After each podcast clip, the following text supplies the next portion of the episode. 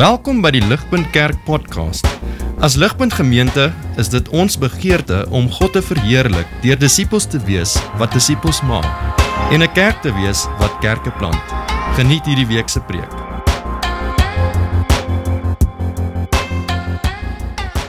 Philippians 1, we're going to look at a few verses in chapter 1, a few verses in chapter 2.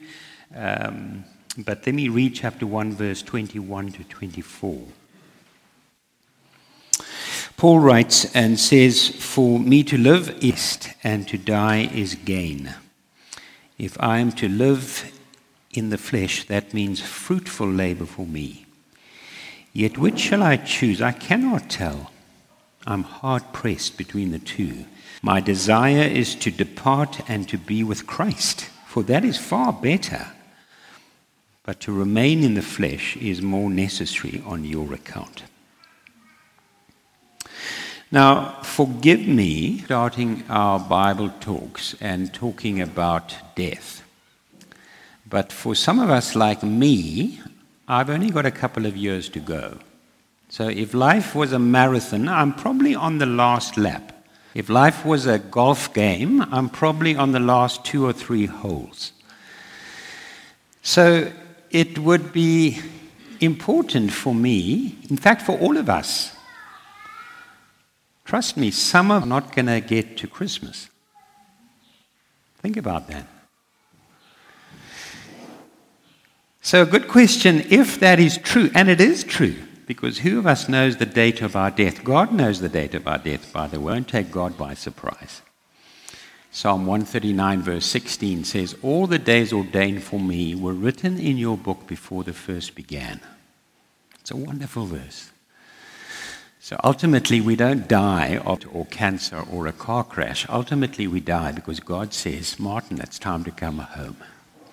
It's time to give people at Christchurch Midrand a break. Um, how would you summarize? Your if you had the opportunity to write what they put on your tombstone, what would you put there? How would you summarize your life? Um, he was a great father. She loved shopping. He loved sport. We have a lady at our church, Judy, and every winter she has chest problems. She's coughing. She's got bronchitis. Today, when I ask her, Judy, how are you? She, every day she says, I'm getting better. She's not. I said to Judy, Judy, we're going to put on your tomb- tombstone, I told you I'm getting better. Um, would Paul put on his tombstone? I think verse 21 For me to live is Christ, and to die is gain. Now, m- most of us know that verse, but it's actually a very strange thing to say. It, it's, it's very strange. It's almost pathological. For me to live is Christ, and to die is gain. When we think about death, we think of this is the greatest, greatest loss. We think of it, we think it's unthinkable. But Paul doesn't say that. He says, For me to live is Christ, and to die is unthinkable. No. To die is despair. No. To die is gain. I mean, it's extraordinary. It's totally countercultural, what we read there. So, what I want us, to have a look at is just two things Paul's purpose for life, Paul's purpose for death. But before I do that, which is set the scene for the three talks this weekend, what, what is Paul's uh, worldview? Where is Paul coming from? Which you'll find in all his letters uh, 13 epistles, 13 letters of Paul. What is his worldview? I think his worldview includes that he believes in the supernatural. He believes that there's not just a natural world, there's a supernatural world. There's more than what we can see and touch and smell and count. He believes that oh God, there's a real devil, there are real angels, there's real demons, there's a real heaven, there's a real hell. Paul believes in a sovereign creator God. So our world will tell us that at the beginning there was nothing but atoms and molecules and matter and energy and time and chance. And Paul says, no. At the very beginning, there was someone, a sovereign creator God. He's the creator of all things, He's in God. We are not here by fate or chance or mutation. Except if we look at some of our children, I think they're here by mutation, but uh, that's supposed to be a joke. So, um, no, He's the sovereign creator God, which means this world and life has meaning and it has purpose. Without a God, you have no meaning, you have no. you whistling in the wind, you pretending. He believes in a personal speaking God. So at the center of the universe for Paul is not matter, energy, fate. At the center of the universe is a personal being called God. God, the Trinity, Father, Son, Holy Spirit, who love each other perfectly. So at the core of the universe, the center of the universe is love. We have a longing for love and community because we're made in the image of God. If we are personal, surely our Creator is personal. That is not irrational. That's not, that's not, that's not unscientific. If we, the creature, are personal, surely the Creator is personal. If we, the creatures, can speak, surely the Creator can speak and write and share the most intimate things. That is not unrational. That's not, unscientific, not unreasonable. Paul does not agree with Nietzsche, who says that truth is a social construct. Nietzsche says there are no eternal truths, there are no absolute truths. Paul says no, there are absolute. truths. Truth is not what each person or group determines is their truth. No, Paul says there's absolute truth, which comes from an absolute God, a personal God, the source of all things. So that's where Paul is coming from. There's a real God, there's a real devil, there are real evil spirits, there are real angels, there's a real heaven, there's a real hell. He doesn't believe in a closed universe, he believes in an open which is influenced by the supernatural. That's where he's coming from. And that's where I'm coming from. And that's where this church is coming from. You may be new here this morning, this week. You need to know that's where we come from. That's what we believe. So everything is based upon that. That is a presupposition before we even get to what he says. Let's have a look at his purpose for life. Paul says, Yeah, for me to live. Now, the first question to ask is which Christ? Because through the ages, men and women have manufactured their own Christ. So you've had a communist Christ, you've had a socialist Christ, you've had a revolutionary Christ, you have a New Age Christ, Oprah talks about the Spirit of Christ, whatever that is. Nowadays, you have a capitalist Christ that is really there to make you prosperous and to make you successful. Best of all, we all have our own little personal Christ, where we think of Jesus, we think of God. You've heard of people say, I, I like to think of God like this. My God wouldn't do that. Well, my dear friend, rubbish. It's not for us to define God, it's for God to define us. We can't make God in our own image because what you then have, your God is just a magnified version of yourself. What you love, God loves. What you hate, God loves. That's not the God of the Bible. That's your imaginary God. So, what kind of God do we have here? Just quickly have a look. Chapter 2, verse 6. He's a historical Jesus. What kind of Jesus do we have? He's a historical Jesus. Notice verse 6 who, though he was in the form of God, did not count equality with God a thing to be grasped, but emptied himself by taking the form of a servant, being born in the light of men. So, what is Paul telling us here? That Jesus was God in the flesh. The greatest miracle of all time is not the parting of the Red Sea. It's not the feeding of the 5,000. It's not the raising of Lazarus from the dead. The greatest miracle in the Bible is that God became flesh. God appeared on the human stage in Palestine 2,000 years ago in the form of a man. If you had lived 2,000 years ago in Palestine, chances are you would have seen God. God in the flesh. And you can read about it in the Gospels Matthew, Mark, Luke, John. Those are eyewitness records by eyewitnesses. They were there. And they give us a rich man called Jesus. So if you are new to the faith, if you're new to Ligpunt, and you don't know that much about Jesus, or you've wandered away from Jesus, I would challenge you to read through Mark's gospel. Read the record. Meet, he walks off the pages of Mark's gospel.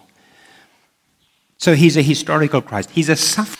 And being found in human form, he humbled himself by becoming obedient to the point of death, even death on a cross. Jews were waiting, as many capitalist Christians are waiting, for an economic Messiah, for a political Messiah. They weren't expecting a, a suffering Messiah. That was a kind of a contradiction in terms.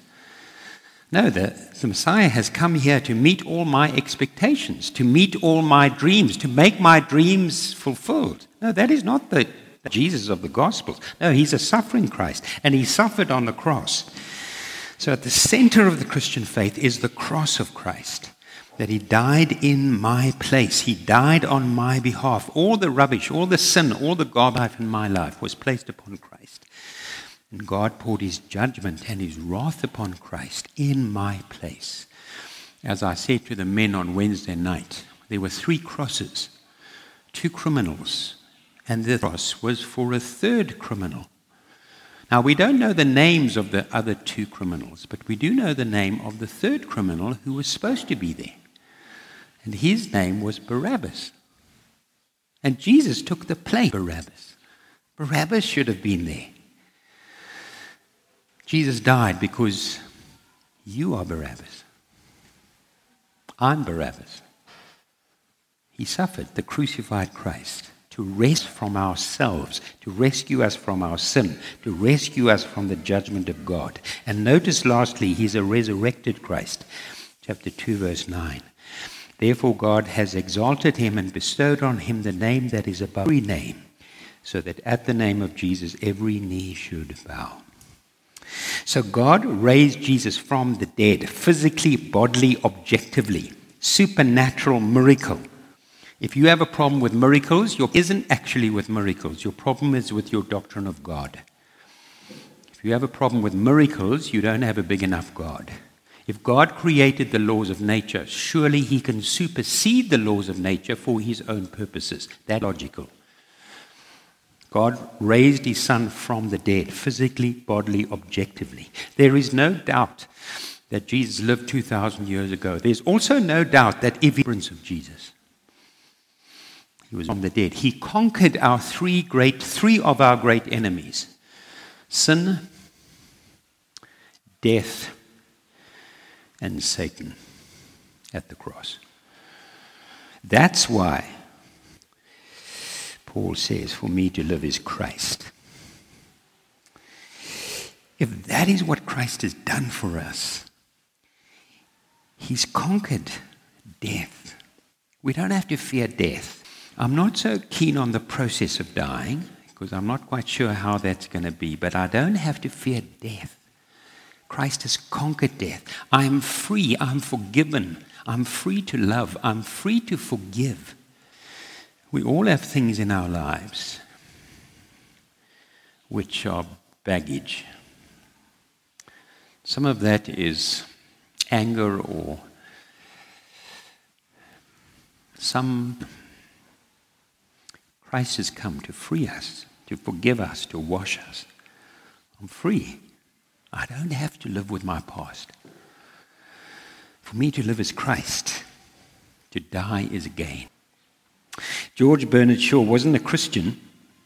He said this this is the true joy in life, the being used for a purpose recognized by yourself as a mighty one, the being a force of nature instead of a feverish, selfish little clod of ailments and grievances, complaining that the world will not devote itself to making you happy.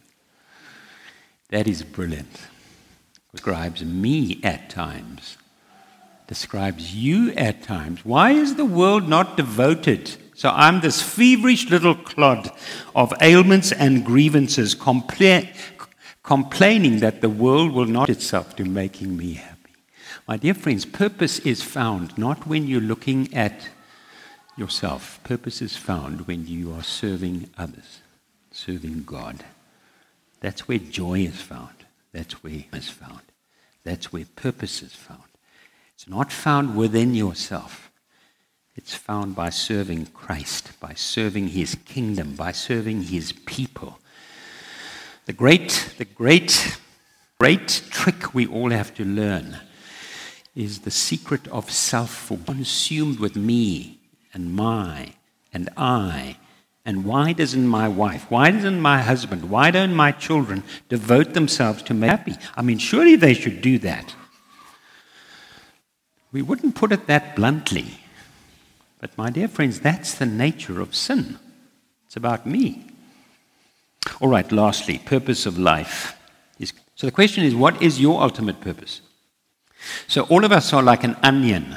Hopefully, we don't smell as bad. But we're all like an onion. There are different layers. So, there's, there's your culture, your language, your education, your family, your personal history. At will be something. Paul says, At the core of my life is Christ. That is the core. If your core is not Christ, it's something else. And then it's idolatry. It may be good things. The worst idols are not bad, worst idols are good things. Your marriage, your family, your children. What's at the core? What's your purpose? What are you going to put on that tombstone? For me to live as Christ. It's not about me. Second, quickly, purpose for death. We live in a world and a culture, and it's probably true of all human nature. We don't like talking about death. So we don't. So if you want to bring a, a braai to a grinding halt, you ask your hostess, Have you thought about your death lately? Okay? You will not be invited back, and you will be crossed off the Christmas card list. Philip of Macedon, father of Alexander the Great, instructed a servant to stand in his every day and say, Philip, you are going to die. In total contrast, Louis XIV prohibited anybody from using the word death in his presence. I suspect we are more like Louis than like Philip. I mentioned this on Wednesday. You may, you may not know this. You may be new to Ligpunt, and welcome. We're delighted that you are here. You may not know is that the death rate in this church is one out of one. Did you know that? The death rate in Ligpunt is one out of one. So if you don't like that, you better join another church. Have you ever asked yourself, will I be one minute after I've died? Where will I be? Paul says to die is gain. I think that if you were a Greek psychologist, psychologist living in Philippi, you would think that Paul has suicidal tendencies. Paul needs to be put under 24 hour observation. But he says that because he's convinced of the resurrection of Christ. So is Matthew, so is Mark, so is John, so is Luke. So are the 12 disciples, so were the 500 who saw Jesus. The 11 disciples, apart from John, were killed, were martyred, some were crucified for one fact that Jesus was physically, bodily raised from the dead. And those who trust in Christ will also be raised from the dead. So we think death is unthinkable. And of course it is. I don't want to minimize. We are human beings, we grieve. But we don't grieve like non Christians. I mean, what are you going to do with someone like Paul? If you let him live, he lives for Christ. And then he says, if you kill me, well, that's going to be better. I mean, what do you do with someone like that? If you need life insurance, well, here's life insurance. Here's the ultimate life insurance. You are immortal until God takes you home. So that doesn't mean you can go bungee jumping without. Okay? No, we've got to be sensible, but you are immortal until God takes you home. And then you are even more immortal. The wonder about this life insurance is there's no premiums, it's free, it's a gift. Interesting word, I must close. The word depart, verse 23. My desire is to depart and be with Christ. That is a camping word, that word depart in the Greek. It was used of soldiers who would strike camp, pack up, strike camp, and move on. So Paul is thinking of this life as living in a tent, camping. But one day he'll strike up camp and go home. Now, camping is great for some people. Uh, but after three, four days, you get tired of camping. You get tired of, of the, uh, the, uh, the night. You get tired of the damp uh, blankets. You get tired of the fire. You get tired of, of falling over the tap when you go to the toilet in the middle of the night, especially when you're my age. And um, you want to go home to your own home, your own bed, your own bathroom. That's what Paul is saying. This life, this world, we're camping right now in our country, in our world, there's a lot of wind and rain and hail, and the canvases flapping, and the guy ropes, some of them are broken. But it's only camping. It says, One day I'll depart. I'll no longer live in canvas. I'll live in a city whose foundation is Christ. That gives me perspective to live in this broken world. So, my dear friends, the great purpose, the great question is what is the purpose of your life, my life? This weekend is a good weekend. We're going to have fun. We're going to enjoy ourselves. We'll be with our friends. We'll make new friends. But we've got to think what is, what is the purpose of my life? Why am I here? What's the meaning? What's the raison d'etre? What's the reason for existence? And if it's not Christ, will it last the distance? when there's illness, when there's cancer, when there's tragedy?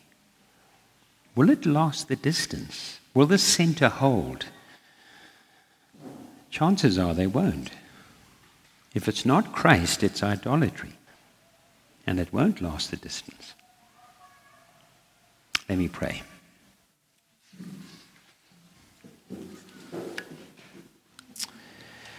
Let's spend a few moments of quiet as we reflect on God and you tell God where you are right now.